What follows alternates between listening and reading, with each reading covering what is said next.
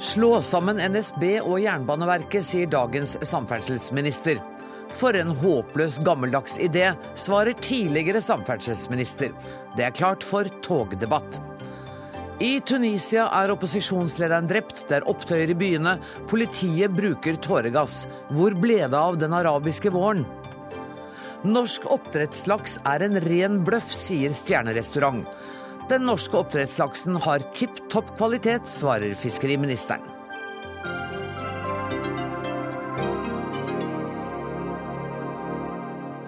Dette er noen av sakene i Dagsnytt 18, der vi også skal høre at kommunalministeren mener at folk flest egentlig vil bo på bygda. Nikolai Astrup fra Høyre benekter at han har slike drømmer. Men først. Samferdselsministeren ser heller for seg en sammenslåing av NSB og Jernbaneverket enn konkurranseutsetting i jernbanesektoren. De borgerlige er derimot enige om at NSB trenger konkurranse og vil få private eh, selskaper på banen. Marit Arnstad, velkommen hit. Du sier i dag til Klassekampen at du ønsker å slå sammen NSB og Jernbaneverket, men det er jo bare 17 år siden vi fikk den organiseringen. Hva er det som har gått så gærent? Jeg ser at det er en interessant tanke. Eh, og det er et oppspill i forhold til den debatten som har kommet om konkurranseutsetting av eh, persontrafikk på jernbane, for det syns jeg er en dårlig idé. Eh, det tror jeg er en idé som kommer til å gi togpassasjerene både dyrere og dårligere tilbud. Og Derfor så er på en måte oppspillet, som jeg syns er en mer interessant debatt, egentlig om du heller kanskje skal tenke på om det er et kunstig skille vi har laga mellom operatør eller transportør og infrastruktur. Men, men, sånn som jeg leste saken, så vil altså EU i et direktiv uh, gå imot at vi får den type jernbanegiganter. Sånn at den tanken som du syns er interessant, er allerede lagt død. Ja, altså jeg ser at det er en interessant tanke, men det er klart vi må jo, uh, vi må jo avvente den prosessen som går i EU. Men den store debatten i EU blir jo nettopp det spørsmålet om du skal skille togtransportøren og infrastrukturen. For i Tyskland så er jo de integrert. Og i Frankrike har du en stor debatt om å integrere eh, infrastruktur og transportør igjen. Så den store, tunge debatten i EU omkring de her spørsmålene her handler jo egentlig ikke om konkurranseutsetting. Den handler om du fortsatt skal ha lov til å ha integrerte, store, tunge selskap som EU trolig kommer til å si nei til. Det så... vet vi jo ennå ikke. fordi Her er det jo et spørsmål om kommisjonens forslag, som går på den eh, linja, i forhold til de store, tunge landene i EU sin holdning til de her spørsmålene. Vet du hva, Vi skal ta en liten runde på dette med forslaget om, eller den gode tanken om å slå sammen. Og først til Ingjerd Schou. Samferdselsminister har du vel ikke vært? Nei. Nei. Eh, sosialminister derimot? Ja, det, kan, det, det kan okay. være, men det var ikke så mye tog der. Ja. Da har vi ryddet opp i den. Men uansett, hva, hva, tenker du om at man kan slå sammen Jernbaneverket og NSB? Det, for oss vanlige så høres det jo deilig ut å bare skulle forholde seg til et selskap. Jeg syns det høres ut som en total avsporing, og litt som statsråden har gitt opp. Altså Passasjerer i eh, hele Jernbane-Norge de opplever, særlig i østlandsområdet nå, innstilte tog. Eh, stinn brakke har bleknet i sin betydning. Eh, og man får heller ikke refundert for den varen man faktisk skal ha. Altså Folk er opptatt av at vi skal få en jernbane som er god i kapasiteten og som går til riktige tider. Og da tror jeg at de aller fleste vil oppleve at det å begynne å ta, trekke opp en diskusjon om organisering og en irritasjon på at man ikke liksom snakker godt sammen, da tror jeg hovedbudskapet mitt at dette denne koordineringsmuligheten ligger på statsrådens bord, på hennes lederskap. Det er fullt mulig å lage et felles eh, kommunikasjonssenter f.eks., som gjør at man snakker med én stemme og ikke har kludrete ansvarsforhold. Men det å begynne å snakke om mastodontmonopolisering, eh, det er når man ikke Nå har Senterpartiet sittet i, åtte år snart med ledelsen eh, og ikke kommer opp med mer moderne og nye løsninger etter åtte år på de utfordringene som vi har i norsk jernbane. Det tenker jeg jeg det, det, tror jeg EU kommer til å ordne for oss. Statsråden skal få svare, du skal bare få litt mer juling først. Og nå fra Kristelig Folkeparti. Knut Arild Hareide, du, er, du syns også, har du sagt, at dette var en dårlig idé? Ja, dette er en veldig dårlig idé. Det å på en måte etablere en stor statlig monopolgigant, eh, det tror jeg er veldig galt. Men da er det, det er ansvaret ett sted. Har ikke statsråden et poeng der, da? Ja, men det var en grunn for at Arbeiderpartiet Eh, med støtte av de partiene som sitter rundt dette bordet her, valgte å skille da ut Jernbaneverket og NSB eh, i to ulike enheter. For da, da kunne vi åpne for konkurranse. Og det er klart at hvis vi velger å slå eh, disse nå sammen, så sier vi helt nei til en positiv konkurranse òg på persontransport. Og vi har jo, etter at vi på en måte har jo fått til en veldig positiv konkurranse på godstransport i Norge. Vi har òg hatt en viss konkurranseutsetting bare på én strekning og i Norge, Gjøvikbanen. Det har òg vist seg når vi har sett på forskningsrapportene at det har vært eh, positivt. Så jeg tenker, ønsker vi å forbedre jernbanen, så er konkurranse et element. Og jeg syns det er litt spesielt av en regjering som nå har sittet i sju år. Ja, de har slitt veldig med jernbanen eh, i den tida. Men det de altså velger å se på løsninger nå, det er på en måte 90-tallet og 80-tallets løsninger de ser på. Jeg tror vi må se framover. Jeg tror vi må se på nye løsninger, mer dynamiske løsninger eh, for jernbanen. Jeg tror vi kan få til en mye bedre jernbane i Norge. Da må vi se framover og ikke tilbake. Arnstad, er det for å hindre en diskusjon om privatisering overhodet at du går inn for denne giganten og sammenslå Jernbaneverket og NSB? Nei, la meg først, først si at altså, Det viktigste for infrastrukturen på jernbane, det er jo at du faktisk år for år bevilger de pengene som trengs. Og jeg bare sier at Økningen på budsjettet for jernbanen fra 2012 til 2013 er større, altså bare økningen er større enn det hele investeringsbudsjettet på jernbanen var da de her to partiene her satt i regjering. Så det å bevilge pengene år for år er viktigst. Men så syns jo jeg at konkurranseutsetting er en dårlig idé for jernbanen. For jernbane fungerer eh, dårligere dess mer du splitter det opp. Og jeg er overbevist om at eh, den, det er en risiko knytta til at du ikke har god nok infrastruktur. Den risikoen vil gi høyere pris for passasjerene. Det vil være høye etableringskostnader for selskap i Norge, togselskap i Norge fordi vi har et eh, ganske magert passasjergrunnlag. Eh, og jeg er også sikker på at, at, det vil være dårlig fleksibilitet for dem som da etablerer seg. For de vil ikke, ha, de vil ikke kunne omdisponere materiell mellom der behovene er størst. Og så vil det bli antagelig vanskeligere for passasjerene knytta til billettkjøp. For du kan ikke samordne billettkjøp mellom de ulike selskapene. Sånn at jeg tror rett og slett at konkurranseutsetting det kommer til å gi norske togpassasjerer et dyrere og et dårligere tilbud. Mm. Du får det nesten til å høres ut som togpassasjerene i Norge nå har det ganske fint. Men hvis du er på sosiale medier og registrerer hva pendlerne sier på Twitter og mm. Facebook, så er ikke situasjonen Nei, har, akkurat sånn som du beskriver. Vi har store utfordringer i norsk okay. jernbane, og det har vi aldri lagt skjul på.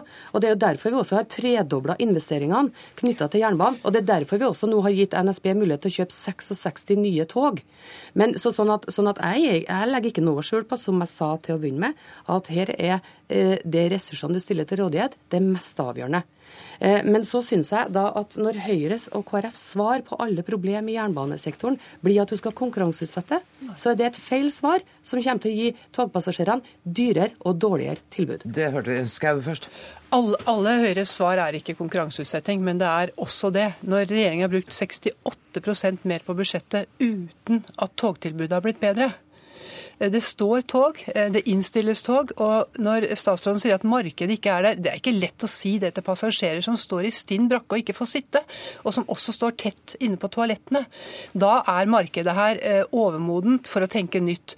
Vi vil ha konkurranse, for vi skjønner ikke at ikke det også på dette området, som på alle andre områder, ikke er et potensial for å, for å la både NSB og Jernbaneverket i større grad få delta i den konkurransen. Vi ser eh, vi ser med all tydelighet både fra Europa, fra erfaringen i Norge med Gjøvikbanen, fra England, etter at man fikk justert seg litt, fra Sverige, at det gir eh, større eh, tilfang av passasjerer som vil reise. Myndighetene investerer mer, men vi må altså bruke pengene både smartere, planlegge lengre og legge finansieringen med hjelp av offentlig-privat samarbeid. Du ga meg stikkordet England. Ta på dere hodetelefonene, så skal vi ha kontakt med korrespondent Gry Blekastad Almås i eh, London. Eh, Gry, i 1984 begynte privatiseringen av eh, jernbanen i Storbritannia. Hvordan er, erfaring... Hvordan er erfaringene? Ja, det er, eh, det er, 28 ulike selskaper som leverer togtjenester i Storbritannia. og Ofte er det jo mange på samme strekning eller på deler av strekningen som uh, kjører tog til ulike priser. Uh, det er forskjellige stasjoner. og uh, Jeg syns det er ganske vanskelig å orientere seg som kunde. Samtidig så går det jo alltid et tog, og det er jo fordelen. Da. Det er mye å ta av, det er et stort utvalg. Og jeg hører Arnstad sier at det er vanskelig å samkjøre billettkjøpene. Jeg kan kjøpe en billett fra, fra mitt utgangspunkt eh, i London eh, via én eh, togleverandør, via T-banesystemet, inn til en annen togleverandør og, og ende opp i f.eks. Edinburgh ved ett billettkjøp. Så, så, akkurat den biten av det klarer de å få til her. Men det er ganske, det er ganske uoversiktlig, vil jeg si. Og så er, så er, det kanskje ikke helt sammenlignbart heller. Nå tenker jeg ikke bare på størrelsen av de to landene, men, men at England er jo i større grad enn Norge liksom sett på som togets hjemland. Det er togets hjemland, det er sterke følelser knytta til togtrafikken. Og, og, og, det er jo veldig ulik geografi. Et mye mindre land med et veldig mye større befolkningsgrunnlag. Så uh, det er mange ting som ikke ligner helt på Norge. Men det har vært store og hissige politiske diskusjoner om privatiseringen også i England? Det har det vært, eh, og det har det vært lenge.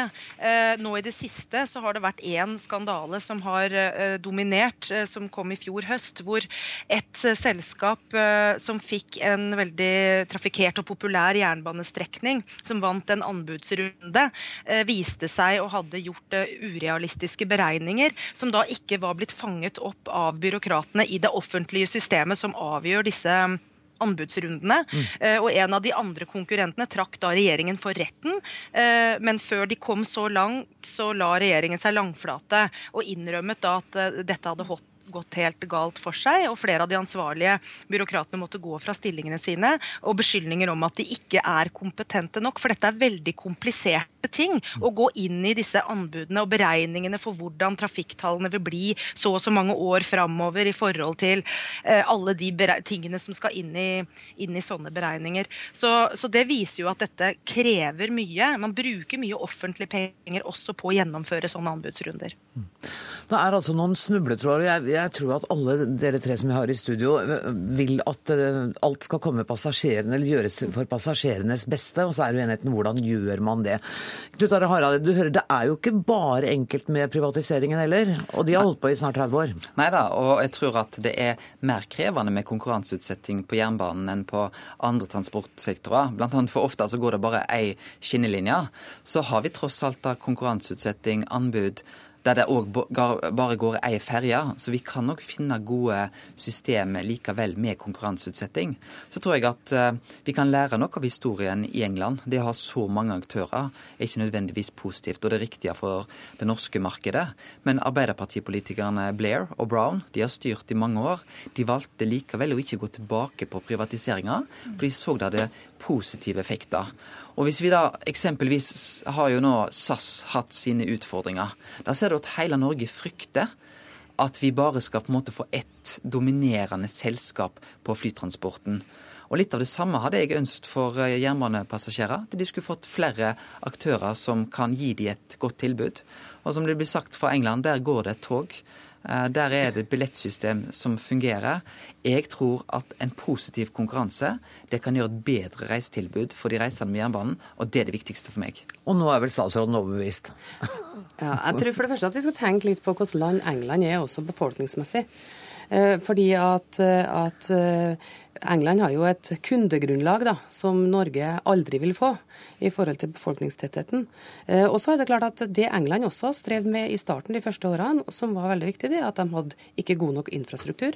Og Det tror jeg er en forutsetning hvis du skal konkurranseutsette noe. Og det avhenger av bevilgninger, eh, og at staten stiller opp med ressurser.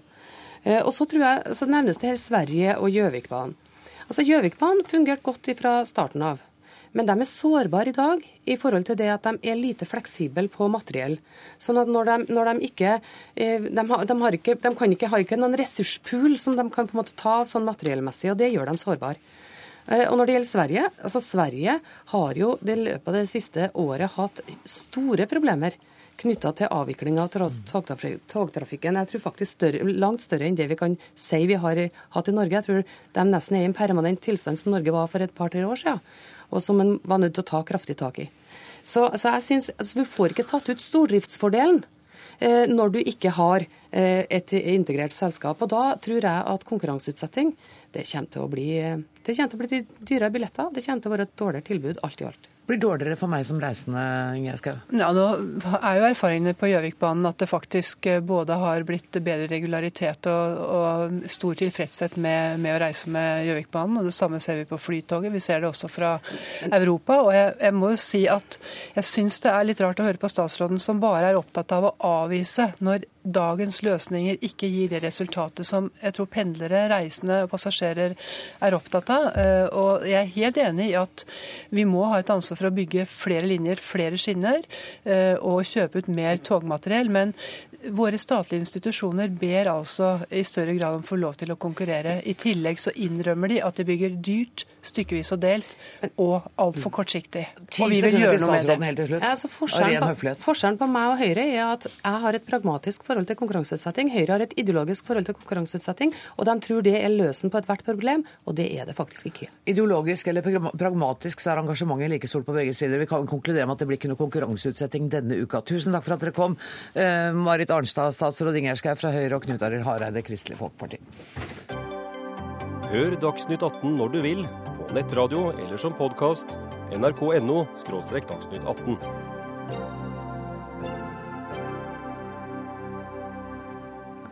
Så til situasjonen i Tunisia. I går ble en av landets ledende opposisjonspolitikere drept. 20 000 demonstranter stormet gatene og ødela hovedkvarteret til regjeringspartiet. Statsministeren lovet å danne en ny, upolitisk regjering bestående av teknokrater, men hans løfter ble i dag avvist av det islamske regjeringspartiet. Hvordan er situasjonen i hovedstaden i Tunis eh, i kveld, Fanny Hergestam? Du bor og arbeider der som journalist. Ja, just nu här måste jag säga, exakt där jag är, är det lugnt faktiskt. Jag sitter i parlamentet där det har varit krismöte idag, men det är faktiskt slut nu. Annars så är i regel otroligt instabilt. Det är mycket oro på gatorna över hela landet.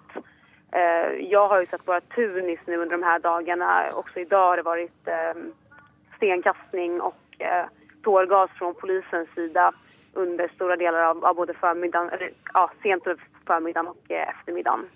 Och här enligt en lokal nyhetskanal nu såg jag alldeles nyligen här att i staden Kelibia så har man plundrat och skändat lokaler, särskilt som tillhör då regeringspartiet Enada. Statsministeren har lovet at det skulle komme en ny regjering bestående av teknokrater. Hvordan ble nyheten mottatt om at det allikevel ikke blir noen ny regjering nå? Det er utrolig splittret her. Det figurerer mye ulike oppgifter. og Det råder eh, allmän oro også i de politiske lägren. Man kan si at alle forsøker litt å posisjonere seg og avvakta Ehm, men man kan väl säga att det som har kommit fram idag är ju att Enada, alltså regeringspartiet, eh, det ledande eh, islamistpartiet i eh, koalitionsregeringen är splittrat mm. när det gäller premiärministerns beslut. Och det här med att det inte blir, ja, det är lite osäkert om det blir och i så fall, det hänger lite på vem kan det bli? Det har fortfarande inte kommit fram hur Hamadi Jebari har tänkt göra det här. Um, eller om Enada är enat. Så att man måste avvakta och se under kvällen när då framförallt eh, presidenten skal ha presskonferens her om eh, några minuter. Og Det er snakk om å skrive ut nyvalg. Vet du noe om når det kan skje? Nei, det har ikke riktig vært på tapeten i dag. Eh, I överhuvudtaget skal man vel si at det har vært mye diskusjoner om både valg og grunnlag mye de seneste månedene. Og datum når det gjelder både de her sakene endres konstant her i Tunisien olika politiker från olika partier på olika nivåer i partier kommer med lite olika bud hela tiden. Mm. Många parlamentsledamöter uttalar sig ofta om när man kan tänka sig ha val. Men det som ligger nu är att det ska bli den 23 juni. Eh, men eh, det var ganska länge sedan jag hörde det här datumet nu. Jag får intrycket i samtal med politiker att det är inte någon som egentligen tror att det är realistiskt att det kommer ske. Tusen takk skal du ha, Fanny Hergestam, journalist som nå arbeider i Tunis. Katine Løkster, seniorrådgiver i UD. Du kjenner dette området svært godt og har jobbet der mye som journalist. I går sa flere i den dreptes familie at det var folk i regjeringspartiet som sto bak attentatet. Vet vi noe mer om det? Nei, vi vet ikke det. De, eh, regjeringspartiet har absolutt eh, avvist det. Men regjeringspartiet er så mangfoldig i den forstand at det har forgreninger ut i eh, grupper som driver med ting på egen hånd, og som er ganske radikale altså i en islamistisk forstand, eh, som eh, partiet som sådant neppe har noe særlig kontroll over. Det er selvfølgelig en eh, nærliggende tanke at, eh, at eh, en ytterliggående person eller en gruppe har tatt livet av eh, sjokkeri. Men det kan jo Ingen vet det helt. Og det er et veldig rørt vann i både Tunisia og de andre landene i Nord-Afrika nå. Ingen vet hva eh, det gamle regimets eh, folk driver med. Eh, det er et fruktbart terreng for konspirasjonsteorier, kan man si. Og jeg tror vi skal være forsiktige med å henge bjellen på en katt allerede nå. Dette regjeringspartiet, lederen for det, har jo du møtt og intervjuet. Ja, det, det var helt på begynnelsen av 1980-tallet. Han heter Rashid Khanoushi eh, og var den gang en flammende islamist, men før islamismen egentlig var kjent som fenomen. Eh, og utover på 80-tallet så utviklet den retningen seg som én opposisjon. Men bildet i Tunisia ligner for så vidt på bildet i de andre nordafrikanske landene. Man har veldig lenge hatt tre parter. Man har hatt eh, myndighetene, som har vært sekulære. Eh, og så har man hatt en islamistopposisjon eh, som har utviklet seg veldig sterkt utover 80-tallet. Og samtidig en liberal og demokratisk opposisjon som utviklet seg samtidig. Og det som har skjedd i Tunisia, er jo nå at den ene parten er forsvunnet, altså regimet. Og man sitter igjen med to konkurrerende opposisjoner som hele tiden har kjempet om å ha størst innflytelse, og som nå da ikke greier å finne ut av det med hverandre. Det som trengs, ifølge denne lederen som jeg intervjuet i sin tid, og som nå faktisk altså fortsatt er leder for Enada, han, han, er nok selv en ganske moderat person, og sa i dag at det er bare én løsning her, og det er at alle de moderate i begge opposisjoner slår seg sammen og forsøker å finne løsninger her. Men det er selvfølgelig lettere sagt enn gjort. Mm. Og jeg tror Et hovedproblem er at, at uh, flertallet i dette Enada-partiet ikke helt klarer å ta et skikkelig oppgjør med de radikale ute på fløyen. Nå hørte vi Fanny Hergestam si at uh, den politiske situasjonen var mildt sagt ustabil. Uh, er det, er det, et så sårbart system at det kan bryte helt sammen i Tunisia nå? Ja, altså På gatene i forbindelse med dette mordet så hørte man liksom for første gang folk snakke om muligheten for en borgerkrig i Tunisia. Og det er veldig rart, fordi at Tunisia har jo alltid stått frem som eksempelet på en sekulær makt med forholdsvis, altså forholdsvis åpne forhold, ikke sant, og, og relativt moderne eh, osv. Nå er det helt kaotisk, og man begynner å tenke på borgerkrig. Altså, eh, situasjonen er veldig ustabil, og det er klart at den, den blir ikke mer stabil av situasjonen i nabolandene. Sånn at her er, eh, her er, det muligheter for diverse forskjellige former for oppgjør. Og nå er eh, det man venter på, egentlig, eh, er at denne nasjonalforsamlingen skal få forfattet en grunnlov. Det er først når den har gjort det, at det kan holdes valg. Og valg er det som nå trengs, ifølge de aller fleste. Tusen takk for at du kom, spesialrådgiver i UD, Katrine Løkstør.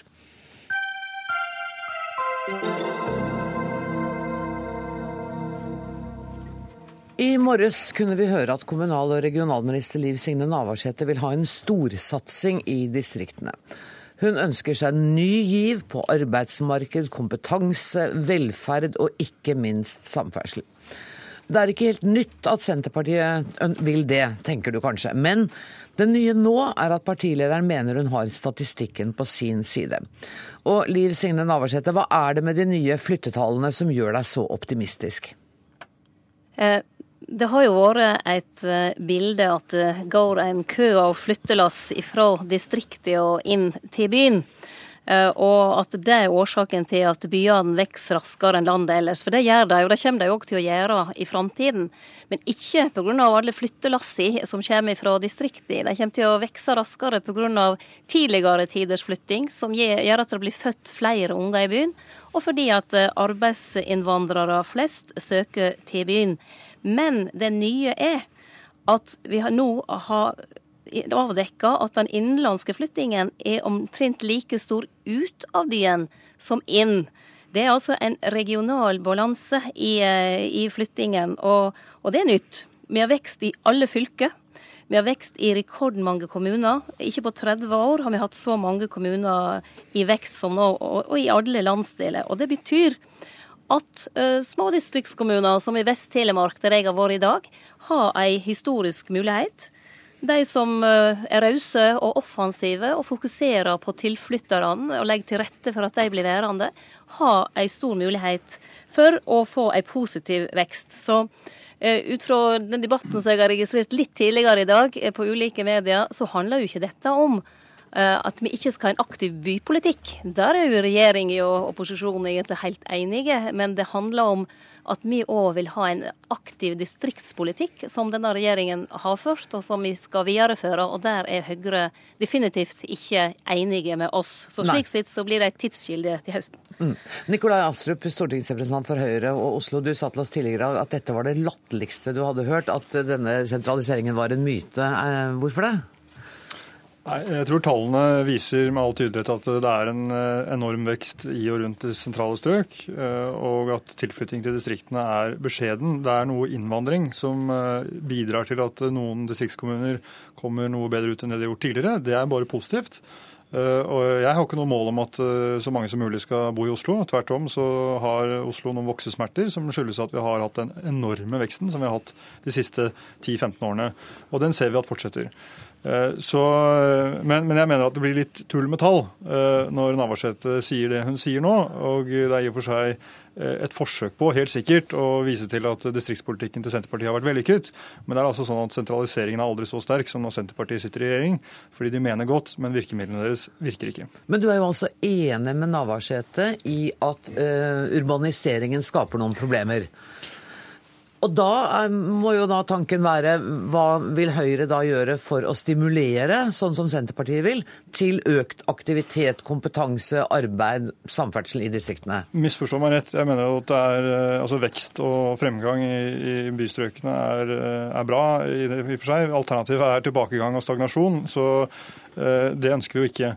Eh, men det er ikke noe mål i seg selv at flest mulig skal flytte fra distriktene og inn til byene. Eh, jeg mener det er bra at vi har bosetting i hele landet, det skal vi fortsatt ha, men da trenger vi andre virkemidler enn det Senterpartiet har kommet opp med. Som f.eks.? Nei, som f.eks. så mener jeg at det må lønne seg for kommunene å legge til rette for næringsvirksomhet eh, i distriktene. I dag så gjør det ikke det. Noe av problemet er jo at hvis du har en kompetanse, har tatt en universitetsutdannelse, så er det ofte få jobber, eller i og for seg fag, et fagbrev, få jobber i distriktene. Og det er få jobber for både håper å si, mann og kone, og begge skal ha kompetansekrevende arbeid. Eh, og Vi ser at vi trenger en, en, mer robust kommunestruktur. Vi trenger eh, større, sterkere kommuner, som også da har eh, flere kompetansegivende arbeidsplasser å tilby til unge mennesker, som gjerne har reist inn til en by for å få seg en utdannelse, og, og ønsker å reise tilbake, men finner ikke noe arbeidstilbud. Liv Signe Navarsete, tull med tall, sier Astrup. Leser du flyttestatistikken på litt sånn Senterparti-aktig måte? Ja, Da får han ta for seg embetsverket mitt og riste dem. Og så må han riste Statistisk sentralbyrå, for det er deres tall vi har lagt til grunn. Og ikke, ikke verken Senterpartiet eller, eller, mine. Det er ikke jeg som sitter og, og lager okay, de statistikkene. Men, men Navarsete, vet du hva, da skal vi riste før du eh, får sagt noe mer. Helge Brunborg, demograf i Statistisk sentralbyrå. De krangler om tallene dine. Kan vi igjen få fasit? Det er riktig at det går en strøm av flyttebiler til distriktene, men det går en strøm andre veien også, og den er større. Det er flere som flytter fra distriktene til enn andre veien. Eh, i, fjor var det Men til de store byene er det underskudd av flyttere. Men til omegnen rundt byene er det overskudd. Slik at eh, eh, sentraliseringa går sin gang. Det har den gjort i over 100 år.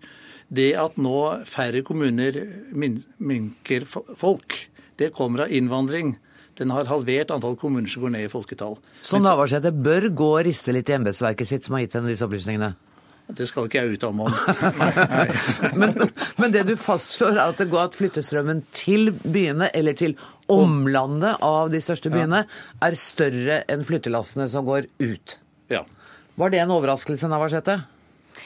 Det som eh, våre tall viser, og det er jo bygd på statistikken, eh, det er at eh, de nå, nå snakker vi om byene og det er helt bynære omland. Det er det vi snakker om, det jeg har sagt i dag, eh, der er det en rimelig balanse. Og hvis Oslo ikke hadde hatt innvandrere, så hadde det sannsynligvis etter de tallene vært nedgang i, i folketall.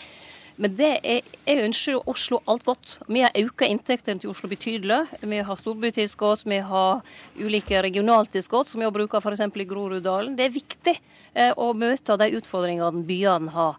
Men det er òg viktig å stimulere til næringsutvikling i hele landet, og det gjør denne regjeringen. Eh, det gjør vi gjennom Innovasjon Norge, skatteutjamning. Vi gjør det gjennom at vi satser på matproduksjon. Eh, vi gjør det gjennom eh, inntektssystemet.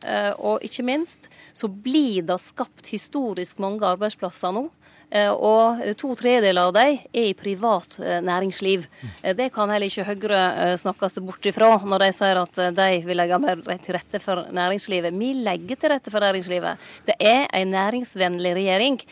Og det at vi har auka regionaltilskuddet med mer enn 40 det gjør, og det jeg hørt i dag i Vest-Telemark, det gjør at eh, gründere som vil satse, kan få drahjelp i startfasen, og vi får arbeidsplasser ut av det. Nå må Nikolai Astrup få lov å svare, for det var en lang harang, det der. Ja, det var en lang harang, og det er nesten så man ikke vet hvor man skal begynne. Men, men eh, la meg si det sånn. Eh, jeg merker meg at Navarsete nå skal komme med en distriktsmelding til Stortinget. Det, hun har sittet i åtte år. Eh, vi ser at flyttetallene hennes ikke går den veien hun mener at de går.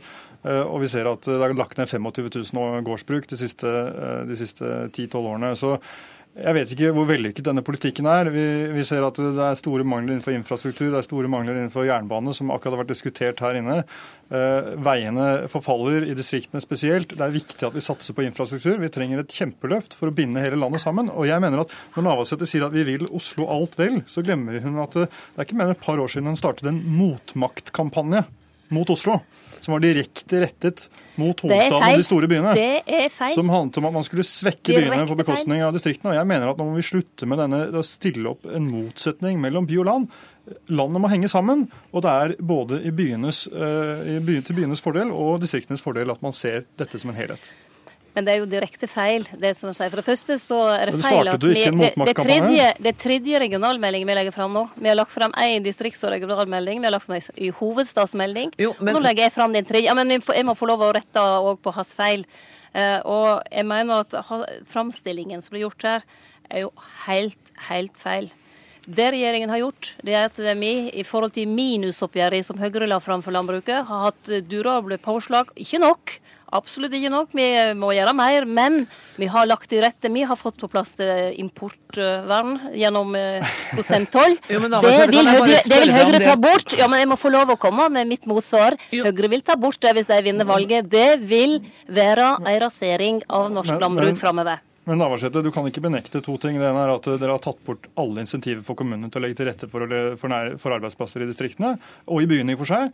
Og at dere har skjerpet den særnorske skatten på, på arbeidsplasser tregangeren siden dere, siden dere kom til makten i 2005. Det er ikke er det å legge til rette for næringsvirksomhet. Det er, da er det, det motsatte. Da er det pussig at det går så bra i Norge. For de viser jo stadig til Sverige og Moderaterna og deres styre, og svenskene kommer jo i flokk og følge til Norge. Vi skaper arbeidsplasser. Næringslivet i Norge går godt. Men det kan, du ikke, det kan du ikke jukse deg vekk ifra. At vi skaper hundrevis av tusenvis av arbeidsplasser. Og det skal vi fortsette med. Tusen takk for at dere kom. Jeg skulle gjerne snakket mer om tall, men det fikk vi ikke tid til. Liv Signe Navarsete, takk til deg. Takk til Helge Brunberg og takk til Nikolai Astrup.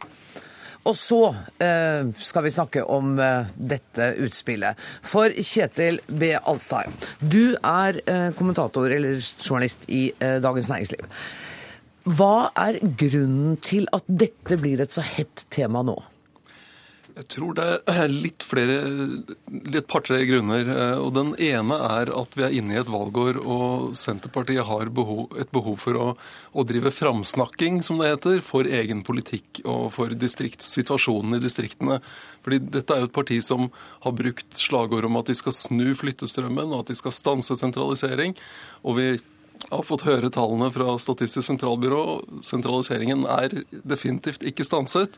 Og da må hun se etter andre lyspunkter og snakke høyt om dem. Og de andre lyspunktene er altså at det er mindre nedgang i befolkningstallet i 100 kommuner, mens det tidligere har vært en dårligere utvikling. Det har vært 300 kommuner som har hatt nedgang. Ja, altså Hun kan jo velge å snakke om Gamvik i Finnmark, mm. som var eh, den kommunen som de tre første kvartalene i fjor hadde høyest folkevekst i prosent. Men eh, når utgangspunktet er 1000 innbyggere, så, så er det jo ikke så veldig mange mennesker det er snakk om.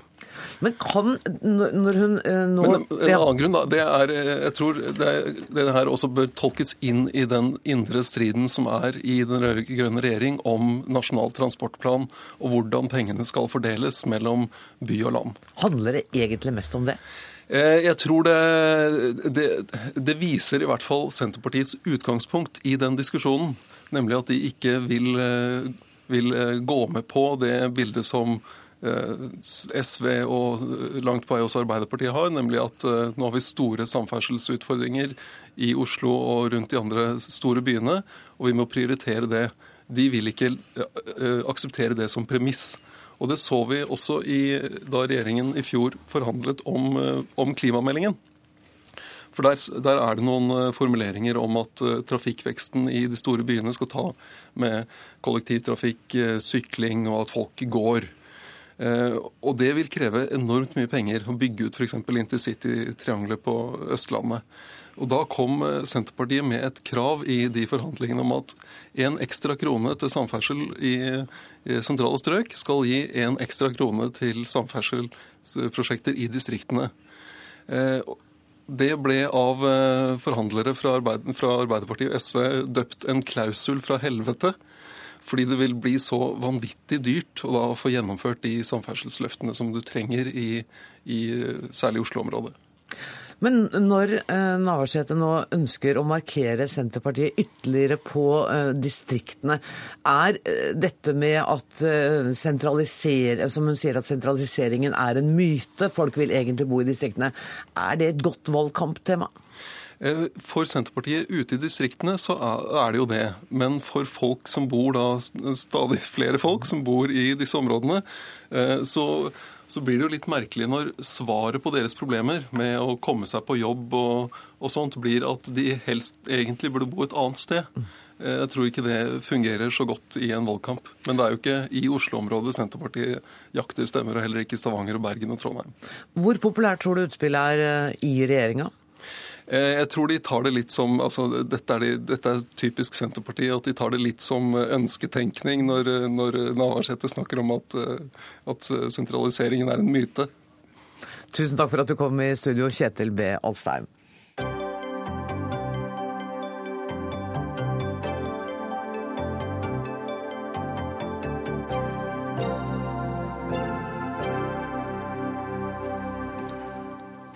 Så skal det dreie seg om debatten om Midtøsten-studiene her i landet. Fordi studiene er dominert av tidligere venstreradikale med et verdensbilde som romantiserer den totalitære islamismen.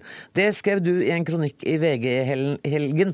Alexandra Irene Larsen, du er religionssosiolog.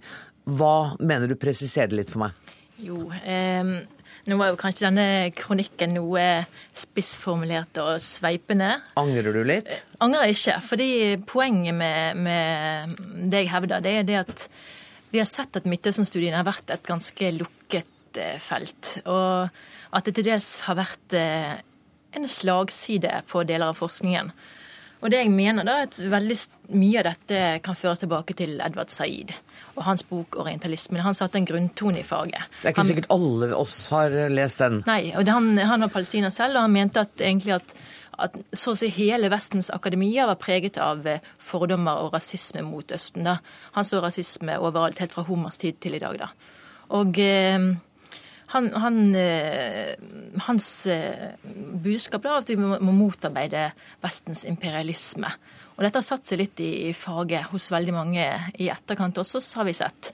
Og dette har ført til at, nei, at uh, radikale bevegelser da i Østen har vært sett mer som frigjøringsbevegelser. Og har støttet deres kamp som en kamp mot Vestens imperialisme. da. Og det henger sammen med sånn tredje verden-romantisering eh, hos mange mer venstreradikale skikkelser. Da. Men mener du Som, også at de har romantisert eh, islamistiske ekstreme bevegelser i på en måte den gode tjenestes tanke? Det er nettopp det jeg mener vi har sett eh, tendenser til. da. Hvor da, f.eks.? Eller hvem da? Eh, flere steder. Blant annet eh, eh har, altså, Saeed satte jo denne grunntonen, for å si det, hvor han romantiserte alle, veldig mange opprørsbevegelser. Men f.eks. Bjørn Olav Utvik også i Norge, da.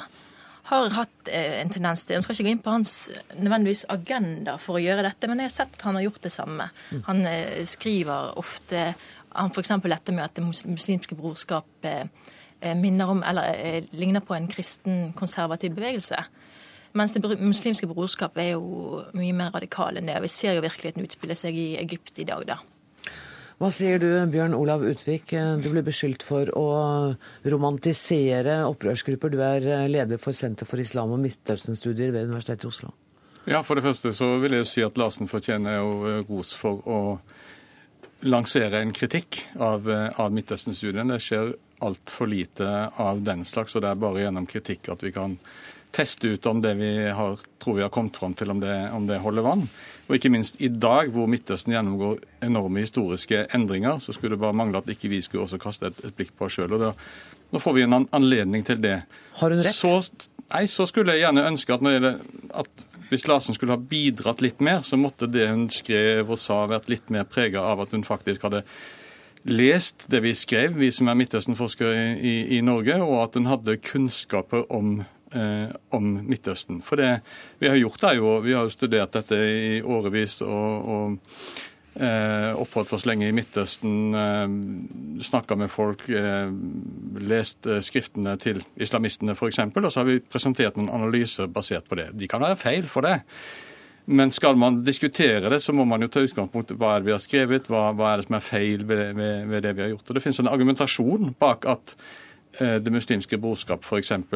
har noen fellestrekk med kristne vekkelsesbevegelser i Norge i, i, tidligere tid. Da må man argumentere, Hva er det ved den argumentasjonen som er lagt fram som er greien? Men du hører at, til og med jeg kan høre at det er å ufarliggjøre det, å si at det, det, det sammenligner det med noen små grupper i gammeltid i Norge. Da, da har man liksom ufarliggjort det. Nei, Man har gått et skritt vekk fra å tenke at man vet på forhånd hva de er. Og det er det eh, jeg syns Larsen tenderer litt til. Hun sier bare at dette vet vi jo er gærent, sier hun.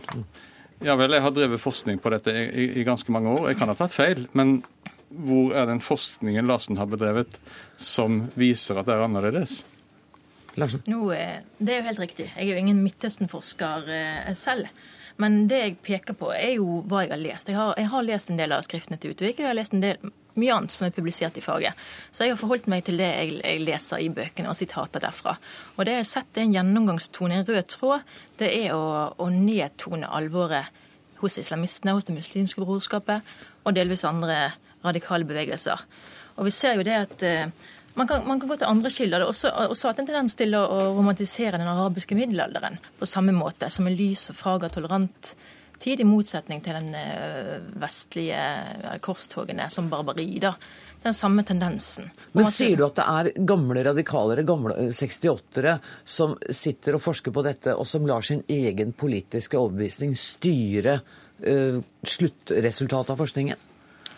Sier ikke nødvendigvis er så enkelt, men jeg tror at en del venstreradikale har funnet seg godt hjemme i Midtøsten-studiene nettopp pga. denne motarbeidingen av Vestens imperialisme, som var en sånn, et, et uttalt mål. da.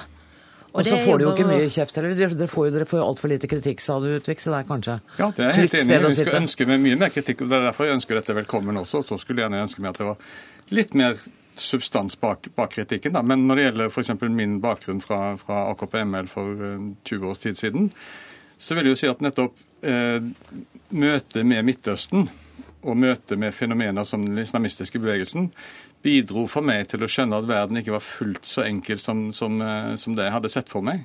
Og, og, var for meg en del av et, et steg vekk fra veldig bastante ideologiske oppfatninger. og Det er litt motsatt av hvordan Larsen kanskje tror, eh, kanskje tror det er. Er det det? Det, det, er ikke akkurat det. for Han har jo eh, utvikla rett i det at eh, sånn som bevegelser som muslimske brorskap og salafistene har hatt en sånn sosial støttefunksjon. De oppretter barnehager, skoler og hjelper folk sosialt. Men det har også vært med den hensikt og agenda å få folk, støtte blant folket. Og de har også hatt en uttalt agenda om å også slutte seg til demokratiske metoder for å så kuppe makten og innføre sharia i flere, både brorskapet og andre salafistiske bevegelser. Så det å nyansere bildet er fint nok. Men så, og Utvik har også nå i, i, dag og i VG innrømmet at han kanskje har vært litt sånn for unnlatende med å se på den radikale siden. Og det er flott han, han innrømmer det. Men da lurer jeg på hvorfor har han gjort det? Hvorfor har han ikke sett mer på den radikale siden av disse bevegelsene? For det første så er det når, når det gjelder at Muslimbrødrene driver barnehager, helsestasjoner og sånn, så tror jeg først og fremst de har gjort det fordi de har ønska seg at eh, barna skal ha det bra, at folk skal få bedre eh, helse. Liksom eh, kristne folk i Norge som har drevet samme typen virksomhet. Og Hvis man skal vite at det er en annen, egentlig en ond agenda bak det, så må man jo legge fram hvilke kilder har man til, til det. Men så er det sagt jeg trenger ikke, jeg ikke innrømme noen ting. Det er helt åpenbart at nå har ting endra seg. Og i dag i Egypt så er det muslimske brorskap i en maktposisjon.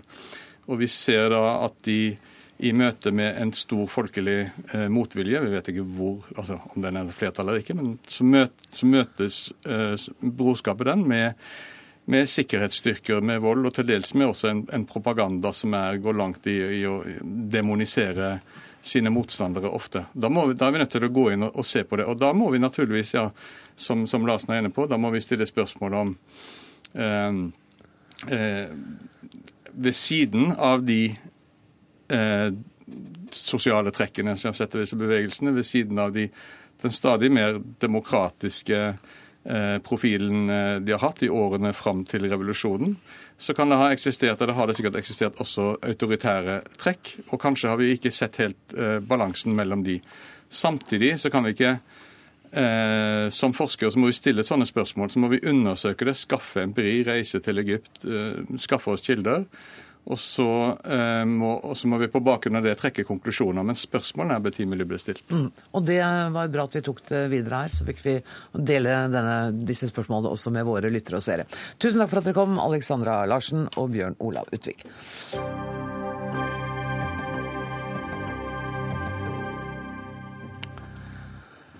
Nordmenn spiser mer laks enn noensinne. Det kan vi takke oppdrettslaksen og lave priser for. Men norske forbrukere blir utsatt for en ren bløff. Det sier eh, kjøkkensjef og din kollega til Dagbladet i dag, Jon Frede Engdahl, medeier i restaurant Maemo, en av de få restaurantene i Norge med Michelin-stjerner i boka. Hvorfor, er, hvorfor skal jeg ikke spise den norske oppdrettslaksen?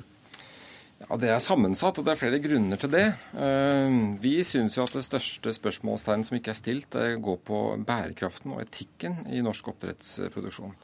Eh, og Den eh, syns vi bør debatteres mer. og Hvis den debatten får mer lys, så tror vi forbrukerne kommer til å bli mer kritiske til oppdrettslaks. Men din kollega som er kjøkkensjef på Maimø sa også til avisen at det er dårlig kvalitet på maten? Ja, hvis, for, for, vår del så er vi i den heldige situasjonen at vi sammenligner det med en villaks som vi får inn på restauranten når det er sesong. Og mm. da er det for oss et produkt som ikke holder mål. Men du skjønner, villaks har de færreste av oss råd til å spise tre ganger i uka? Ja, det er helt riktig. Og du skal ikke spise laks tre ganger i uka. Du skal spise sild, du skal spise sei, du skal spise torsk, du skal spise skrei eh, og andre fisketyper som, som er bærekraftige. For hva er hovedproblemet med oppdrett, hvis det går an å si det kort, med den oppdrettsfisken? Ja, For meg så, så, så blir det bildet veldig, eh, veldig, feil når jeg tenker at du først reiser rundt eh, hele kloden og, og sanker krill og annen småfisk for å frakte tilbake til, til Norge og, og, lage fôr av det. Så importerer vi mais fra Brasil inn eh, til en fjordtarm og putter det oppi noen og, å, gi fisken dette her. Og så sender vi fisken videre til Asia eh, sammen med kongen og statsministeren på slep som reklamerer for dette her. Og for meg så blir det bildet her så langt unna bærekraft som jeg kan tenke meg. Da må vi spørre fiskeriministeren Lisbeth Berg-Hansen. Jeg skal ikke spørre hvor mange ganger i uka du spiser oppdrettslaks, men er det ikke et poeng her at norsk oppdrettslaks ikke er bærekraftig nok? Vet du, jeg må innrømme det, når jeg slo opp Dagbladet og leste den artikkelen i dag, så tenkte jeg at her måtte Dagbladet ha rota litt med århundrene. Jeg trodde her var en artikkel fra 70-80-tallet. Hadde ikke vært for at det var bilde av den der salmen, så er jeg helt sikker på det. Men så så jeg at det var jo ikke det. Det er jo en, en artikkel som er full av faktafeil. Kom eh, igjen. Eh, og rett og slett fordi at når du snakker da om uh, bærekraft uh, her, så hvis du skal, først skal ete mat, og det forutsetter de fleste av oss skal gjøre, og vi spiser jo til hverdagsmat, har det handla om hva uh, de serverer på sin restaurant, så har jeg ikke brydd meg om det. Men det handler altså om maten til vanlige folk hver dag.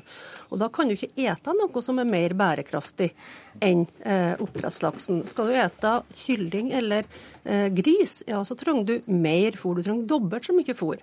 Som du gjør når du spiser laks. Men det var ikke alternativet hans. Han sa makrell og torsk Ja, og og det skal ete i tillegg. Og jeg av argumentene for å ete og mer oppdrettslaks er jo nettopp det som alle kostholdsekspertene sier. Vi må ete mer fisk i det landet her. Og da er jo oppdrettslaksen et fantastisk produkt. Jeg, noe av det artigste jeg gjør, det er å reise rundt i barnehager og skoler og lage mat i lag med unger. Og høre tre-fireåringer som sier 'Å, jeg elsker rosa fisk'. Og så møter jeg lykkelige foreldre som sier at endelig så får vi ungene våre til å ete fisk. Og Men statsråd, det kan jo ikke være helt overraskende for deg at det foregår en debatt om oppdrettsnæringa? Nei, og den er relevant, men da må vi diskutere ut ifra fakta. Og fakta er at å ete oppdrettslaks er noe av det mest bærekraftige maten du kan ete.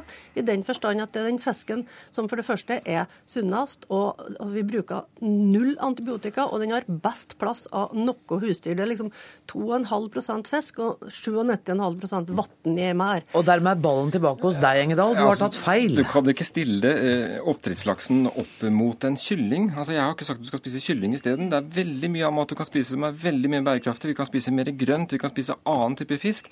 Men det trenger ikke være laks. Det vi kan være enige om, er at eh, industrien har vært veldig flinke til å få barn og barnehager til å tro at du skal spise laks hver eneste dag. Og det er jo noe feil når det koster 39 kroner for en frossen laks i, i, i frysedisken. Det, skal, det skulle- skulle vært luksus, det skulle vært festmåltid, Men, men du sa jo innledningen, i innledningssvaret ditt så sa du at den ikke er bærekraftig heller. Ja. Men statsråden sier at det er, noe, det er noe av det mest bærekraftige vi kan få i oss. Nei, Det er veldig veldig langt unna sannheten der. Og, og, jeg, jeg vil heller strekke strek det lenger, gå lenger tilbake i tid. Jeg, jeg syns nesten det er en ny vikingtokt du driver med. Å reise rundt i verden og tømme andres hav for fisk. Ja, for å ta altså- tilbake hit og, og, og male det sammen med noe mais, og så, og så hive det til fisken. Sånn at den koster 39 kroner, og vi kan sende, sende til Asia. Med Jeg syns det er langt ifra bærekraft. Vi skal, vi skal snakke litt med Arne Brimi. Han, eh, du bruker eh, laks og gjerne oppdrettslaks, Brimi. Ja, jeg bruker laks som um, fryktelig mange andre kokker i Norge gjør. Men har, har du vært bekymra over måten denne laksen kommer til på, og den bærekraftmangelen som eh, Engdahl er inne på? Jeg tror ikke det er den eneste kokk i Norge som ikke har fått med seg debatten rundt oppdrettslaks og oppdrettsnæring. Og, og, og men, jeg tykker at oppslaget i Dagbladet i dag blir veldig slik svart-hvitt. Og som jeg husker at, eh, at uh, dette er sikkert i en utvikling, men det er jo slik at det er fryktelig mange flinke kokker i Norge. Flere hundre som står og bruker norsk laks hver dag. Og så, og så blir det slik at at det blir fryktelig galt, da, fordi at andre mener at alt en gjør er galt. Altså, og det blir påstått at uh, ja, det, er, det er mye som er galt. Da. Det kan godt hende at det har vært, men jeg tror på den næringen framover. Men det er jo slik at norsk eh, oppdrettslaks og salg av norsk oppdrettslaks i utlandet, det ta fart først da det japanske mattilsynet sa at dette her er så bra at vi kan etes rå. Og det er mange stjernerestauranter rundt omkring i hele verden som bruker laksen vår. og Jeg ikke at debatten blir så svart-hvit at en skal drive og si at eh, det eneste jeg mener er det, det er det som er rett. Og, og, og det blir litt feil og galt for mange norske kokker, tror jeg, eh, som da kan oppfatte den driver som noe feil. Jeg tror de at en salmalaks eller en annen oppdrettslaks, det er grenser for hvor god laks en laks kan bli. Det er grenser Og- for hvor god en laks kan bli, Engdahl. der. Ja, var det er grenser for hvor god en laks kan bli. og Det er sånn som man kan forskjelle på en villaks og en oppdrettslaks. Ja, det går kanskje an i ja, tilfeller, i andre tilfeller ikke. Eh, Engdahl, du ba om ordet til dette. her. du. Ja, nei, altså Jeg er enig i at det finnes mange dyktige kokker i landet her, og mange hundre, som, som Brimi sier, som, som, eh, som er flinke til å promotere eh, salma og, og annen oppdrettslaks. Jeg hadde blitt veldig glad hvis de samme kokkene brukte like mye energi på å få oss til å spise mer sild, mer makrell, annen feit fisk, som det er bærekraftighet i, og som eh, jeg tror vi har hatt mye, mye bedre å spise. Men, men hvis, du, hvis vi forfølger det, eh, den tanken din om bærekraft, eh, Mm. så vil jo da kyllinger, oksekjøtt Det vil også være veldig vanskelig å argumentere for at vi skal spise. Skal alt dette være festmat? Skal ribba, laksen, koteletten, kyllingen og så skal vi bare spise det som er bærekraftig, etter sånn du mener det? Ja, jeg syns i hvert fall vi skal stille oss mer spørsmålstegn til den maten vi spiser, om den er bærekraftig. Eh, og vi må tenke oss mer om, og vi har råd til i det landet her å stille mer spørsmålstegn og produsere maten bedre bærekraftig. Jeg tror ikke at, de, at oppdrettsnæringen skal bort som, som, som, en industri, men jeg tror at vi må stille strengere krav eh, og sørge for at det produseres mye, mye mer bærekraftig. Og det kan det gjøres. Det er eh, ting på gang som viser at eh, industrien selv tar eh, tak i dette her, men det går altfor sakte. Eh, og det kan gjøres langt, langt, langt mer bærekraftig. Børge Grønbekk, du er markedsdirektør i Norges sjømatråd. Hva sier du til disse lakseanklagene fra Stjernerestauranten? Først og fremst må jeg si at det er viktig at vi kan stille spørsmålstegn rundt bærekraft når det gjelder laks, når det gjelder alle andre produkter. Det er også næringa veldig opptatt av og jobber kontinuerlig med. Eh, men så er det sånn at den diskusjonen eller debatten må også basere seg på fakta, faktisk ikke følelser.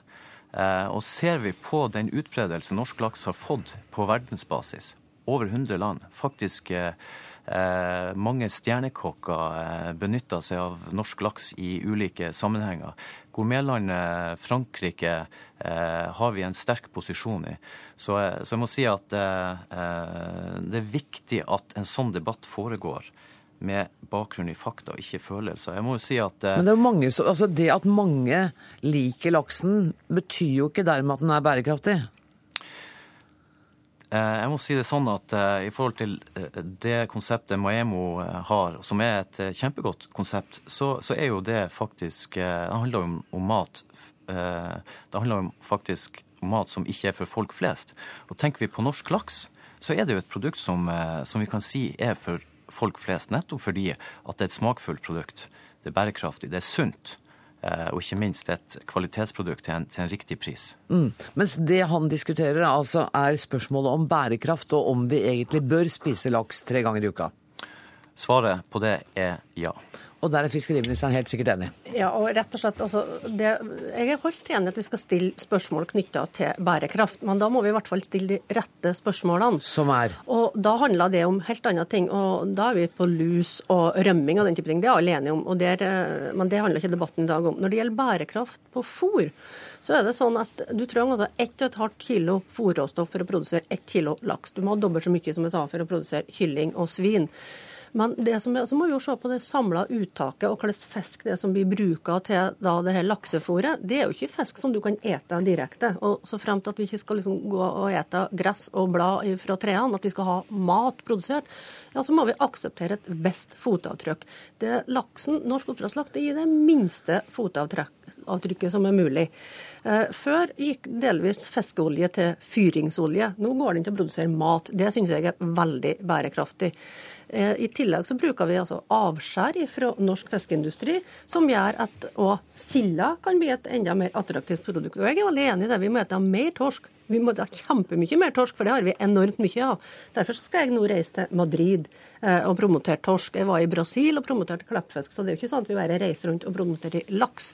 Eh, det er det ingen som gjør. Men det, vi må i hvert fall ikke ta ifra nå småbarnsforeldre eh, gleden med å servere laks til ungene sine. For det er så mange unger som nå et fisk som ikke gjorde det før. Og det er mye, mye viktigere å holde opp. For det er ikke sånn at du kan gå på hjem og ete deg mett hver dag, i hvert fall. Men det er det vel ingen som har sagt heller at man skal? Men, men det, vi snakker om hverdagsmaten til folk flest her, altså.